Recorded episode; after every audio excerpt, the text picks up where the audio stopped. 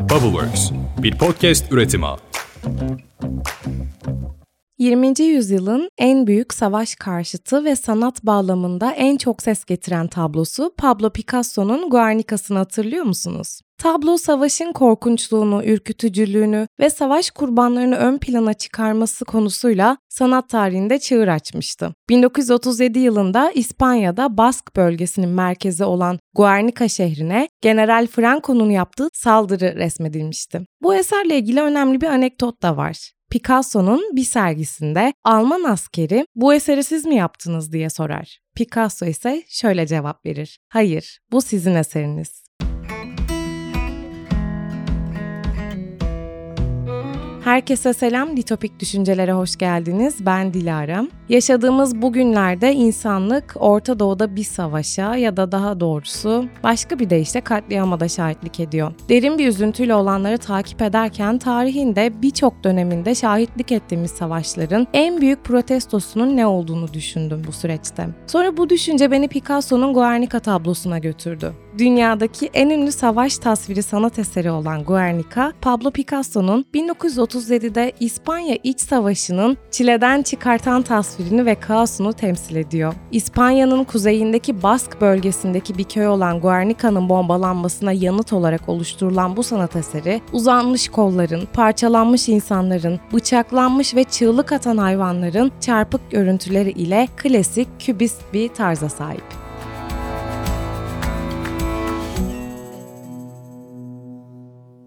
Tablo güçlü bir politik ifadenin yanı sıra kübist bir başyapıt olarak da kabul ediliyor sanat tarihinde. Bir başka tanımla Guernica, savaşa bir baş kaldırı, bir protesto olarak dünya tarihine geçiyor. Tarih birçok savaşa, ölüme, zulme, kedere tanıklık etti. Hala da ediyor. Ama bunu bir sonraki, daha sonraki ve hatta ondan sonraki nesillere aktaran, aktarırken içimizdeki duyguları şaha kaldıran tek yol da sanattı. Bu bir tablo, bir heykel ya da bir yazıt olabilir. Sanat en büyük şahit, acının ve zulmün en akıcı diliydi. Sanat savaşın en büyük karşıtıydı aslında. Savaşın geldiğini gören olmadı. Saklanmış, kılık değiştirmiş, çömelmiş, toprağın rengine bürünmüş savaş. Kör göz hiçbir şey görmedi. Bu sözler 4 Kasım 1937'de Fernand Leger tarafından söylenmişti ve Belçikalı dinleyicilere Birinci Dünya Savaşı'nın eşi benzerine rastlanmamış koşullarını anlatıyordu. Ne yazık ki savaş böyle bir şeydi. O şehirler yaşayanı için geldiği belli bile olmayan, her şeyin dakikalar içinde tepe taklak olduğu bir şeydi savaş. İşte tam da bu noktada savaşın sanatla ilişkili olduğu aslında 5 yol vardı. Peki bu 5 yol neydi? Birincisi tarihin ilk zamanlarından günümüze iktidarlar tarafından kullanılan bir yöntemdi sanat. İşte bu birinci yol savaşı teşvik etmek için sanatın yapılmasıydı.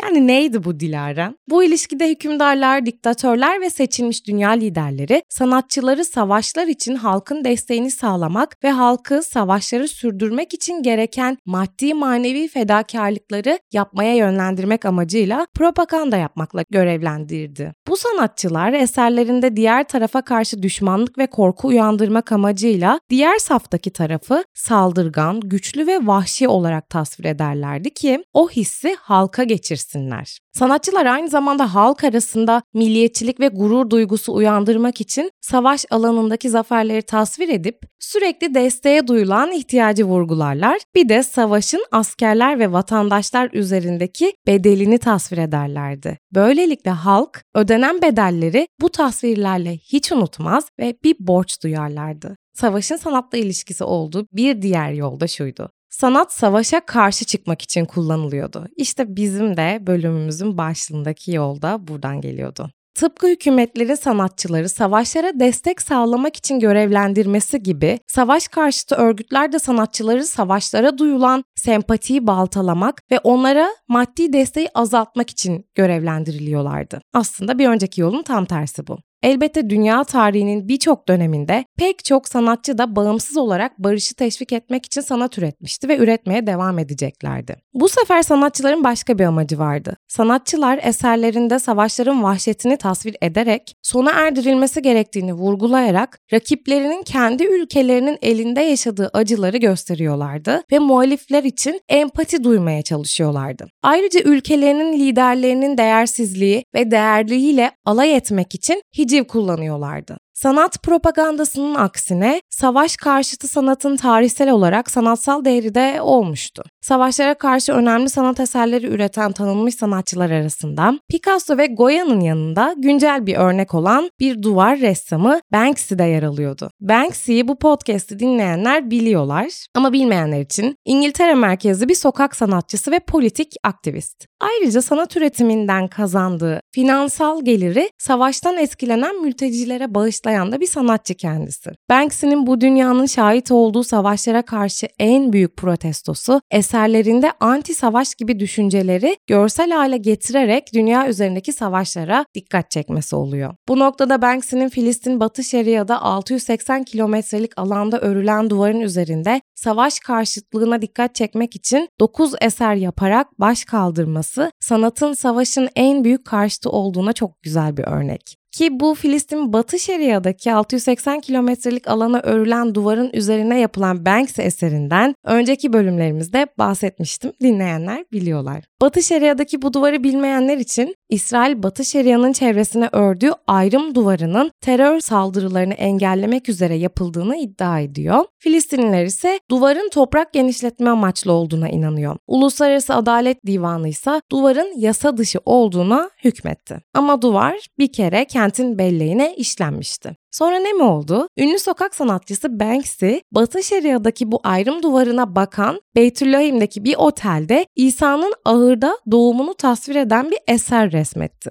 Bu otel Beytüllahim şehrindeki Wallet of isimli bir otel ve Banksy'nin eseri de burada sergileniyor. Daha önce de otel sahibi Banksy ile ortak çalışmış otel odaları Banksy'nin duvar resimleriyle süslenmişti. Peki bu kaos Banksy'nin sanatıyla nasıl buluşmuştu? Otel müdürü Wissam Salsa Banksy'ye ulaşıyor ve Noel hikayesini kullanarak Filistinlilerin Batı Şeria'da nasıl yaşadıklarına dikkat çekmesini istediğini belirtiyor. Bunun üzerine Banksy, İsa'nın doğumunu canlandırdığı eserinde duvarın üzerinde İngilizce ve Fransızca sevgi ve barış yazıyor. Salsa, Banksy'nin sesi olmayanların sesi olmaya çalıştığını söylüyor. Otelin tüm odaları Batı Şeria ayrım duvarına bakıyor ve odalarında Banksy'nin İsrail ile Filistinliler arasındaki çatışmaları konu edinen duvar resimleri de sergileniyor. Banksy'nin Beytüllahim'de ve ayrım duvarı üzerinde işte böyle birçok eseri bulunuyor. Batı Şeria'daki ayrım duvarında ve otelde sergilenen eserlerden bir sonuç çıkarmak gerekirse sesi duyurulmaya ihtiyacı olanların sesini dünyanın popüler sanatçıları duyurduğunda bu durum özellikle haber niteliği kazanıyordu. Sonra da bu haberler sayesinde Avrupa'dan uzak doğuya bütün dünyanın mazlumlardan haberi olabiliyordu. İşte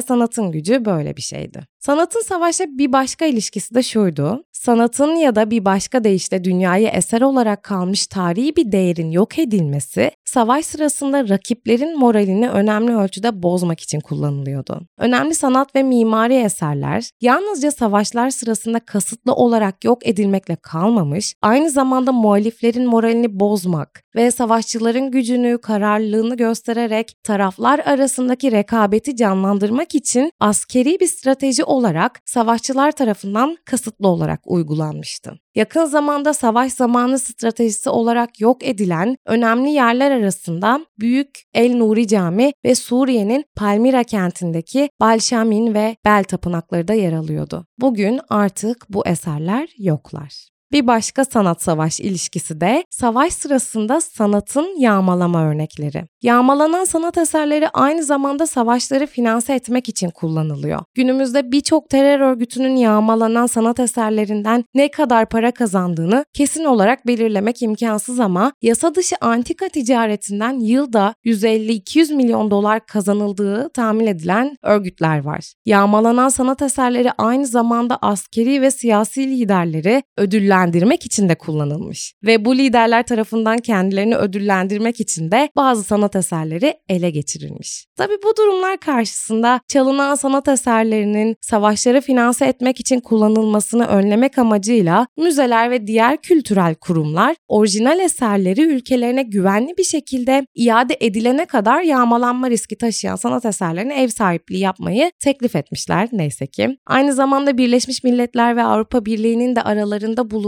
uluslararası kuruluşların yanı sıra Kanada ve Amerika Birleşik Devletleri gibi ülkeler çatışmalarla kuşatılmış ülkelerden sanat eserleri ve antikaların ithalatında yasakladı. Ancak ne yazık ki bu yasaklar kolayca göz ardı edilebiliyor. Sanatın savaşla son ilişkisi de şöyle açıklanıyor. Sanat savaştan sonra iyileşmek için yapıldı. Savaşlar sona erdikten sonra sanat, savaş sırasında yaralanan askerlere para toplamak ve yerinden edilen mültecilere yardım sağlamak için de yapıldı. Sanat ayrıca eski savaşçılara istihdam sağlamak ve eski savaşçıları duygusal olarak rehabilite etmek için DDR stratejilerinin bir parçası olarak da kullanıldı. Tabi nedir bu DDR stratejisi diye ben de merak ettim ve araştırdım. Şöyle bir savaş, çatışma, isyan durumu sonrasında bireyin bir çatışmasızlık ve barış ortamı sürecine adaptesi için oluşturulan stratejik yöntemler diyebiliriz. Çünkü düşünün bu askerler çok uzun süre bu çatışmaların içinde kalıyor ve bu çatışmalar bittikten sonra normal hayata adapte olmakta çok zorlanıyorlar. Çünkü tetiklendikleri, travmaları olan çok fazla şey var. İşte bu süreç tüm bireyleri kapsamasa da bir toplumsal uzlaşma süreci içeriyor ve toplumun bu askeri bölümünü ciddi ölçüde önemli hale getiriyor. DDR bir başka deyişle bir çatışmasızlık sürecinden toplumsal ve siyasal yaşama katılma sürecinin planlanmasına ve de gerçekleşmesine uzanan uzun bir evre. İşte bu evre için de en güzel yöntemlerden biri sanat. Sanatçılar sanat üretmek için savaş silahlarını bile kullanmışlar. Savaşlar pek çok insanın hayatı üzerinde uzun yıllar süren güçlü etkisi nedeniyle pek çok popüler çağdaş sanatçının da odak noktası haline gelmişti. Ancak 20. yüzyıl savaşlarının zulmünü tasvir eden kübistlerin, sürrealistlerin ve diğer sanatçıların eserleri eski usta meslektaşlarından farklı olarak çoğunlukla bunların canlılara getirdiği yıkıma ve acıya odaklanıyordu. Bu bölümün açılışını Picasso'nun Guernica'sından çarpıcı bir anekdotla yaptık. Öyleyse kapanışı belki de daha da çarpıcı olan yani benim için öyle. Salvador Dali'nin haşlanmış fasulyeyle yumuşak yapı bir diğer adıyla iç savaş ön sezisi eseriyle yapalım. Ne garip bir isim dediğinizi duydum bile ama biliyorsunuz Salvador Dali bu ne yapsa yeridir. Bu eser izleyeni için derinden bir sarsıntı yaşatır. Savaşın birey üzerindeki sarsıcı etkilerini inanılmaz ölçüde deforme olmuş bir beden ile izleriz bu eserde. Bu tablo savaşın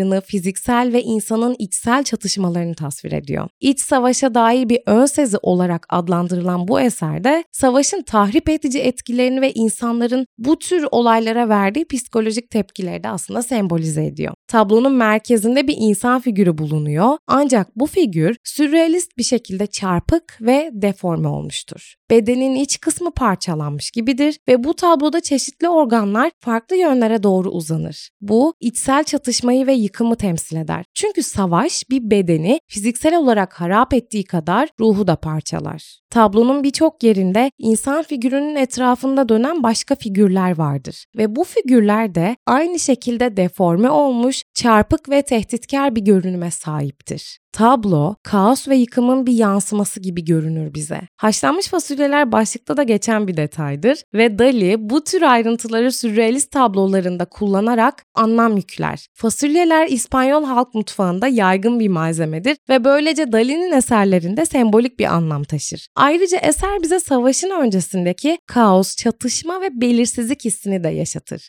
Dali, savaşın insanlar üzerindeki psikolojik etkilerini vurgulamak için sürrealist teknikleri kullanır ve bu eserinde sürrealizmin özünü yakalar. İşte ne zaman dünyanın herhangi bir yerinde zulme uğrayan, katledilen, paramparça olan bir halk görsem aklıma Salvador Dali'nin haşlanmış fasulyeler tablosu gelir. Kederle izlerken o zulümleri haberlerde bu tablodaki gibi belki yok olmuş, belki de kalanlarıyla da deforme olmuş bedenler, parçalanmış uzuvlar ve ruhlar görürüm. Çünkü bazen sanat savaşı anlatan ve ona karşı çıkan en büyük başkaldırıdır. Sessiz ama oldukça da seslidir. Bir sonraki bölümde görüşmek üzere. Bay bay.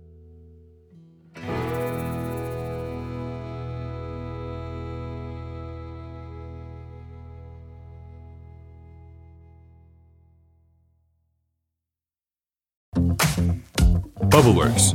Bir podcast üretimi.